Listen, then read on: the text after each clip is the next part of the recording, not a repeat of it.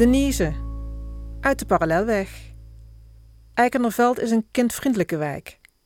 Daar heeft Denise haar huis niet op uitgekozen, maar een mooie bijkomstigheid is het wel.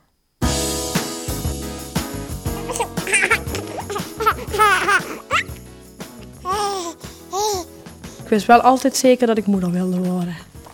Ja, voorheen was het eigenlijk meer eh, twee kinderen, dan eh, was het goed. Het is eigenlijk met de situatie meegegroeid. Ja. Toen ik mijn eerste man leerde kennen, toen kregen wij, eh, ja, we trouwden. Ik kreeg eerst een meisje, toen kreeg ik een jongen. Dus het ko- koningskoppel eigenlijk. Maar toen begon het toch te kriebelen, dus toch eh, wilden we een derde. Die kwam vrij snel. De vierde was niet gepland, maar toch gekomen. En ja, toen zijn wij gaan scheiden.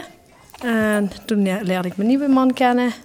En uiteindelijk daar ook nog drie kinderen mee gekregen. Dus, dus zo bedoel ik eigenlijk, ja, dus, dus meer de situatie die zo gebracht heeft dan dat je zegt van, ja, ik wil per se zoveel kinderen.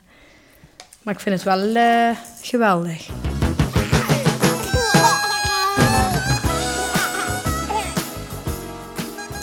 Nou, de namen van, eh, van de kinderen, bij de vier oudste heb ik het gewoon zelf helemaal verzonnen. En bij de drie jongste heeft mijn man eh, mocht bepalen hoe dit geschreven werd.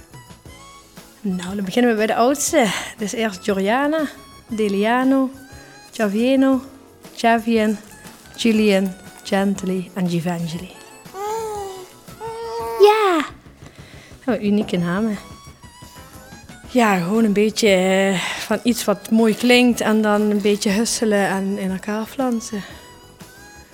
Want zo is haar naam is eigenlijk ontstaan van ehm, het Engelse woord evangeli, van uiteindelijk. Dat we eigenlijk uiteindelijk toch nog een kindje samen wilden. En ik had een naam gezien dat heette Givingeli. Ja, en dan hebben we dat een beetje gehusseld en daar is het Givangeli van geworden. Ja. Eh, ik ga sowieso wel binnenkort een opleiding doen voor eh, gastouder. Dus nog meer kindjes in huis. en ik ben gewoon niet een, eh, een stilzitter, zal ik maar zeggen. Dus eh, ja, ik heb alleen nog haar bijna eh, thuis, want ja, de rest is allemaal naar school. En vandaar dat ik eigenlijk zoiets heb van, ja, dan wil ik wel graag andere kindjes helpen groot worden.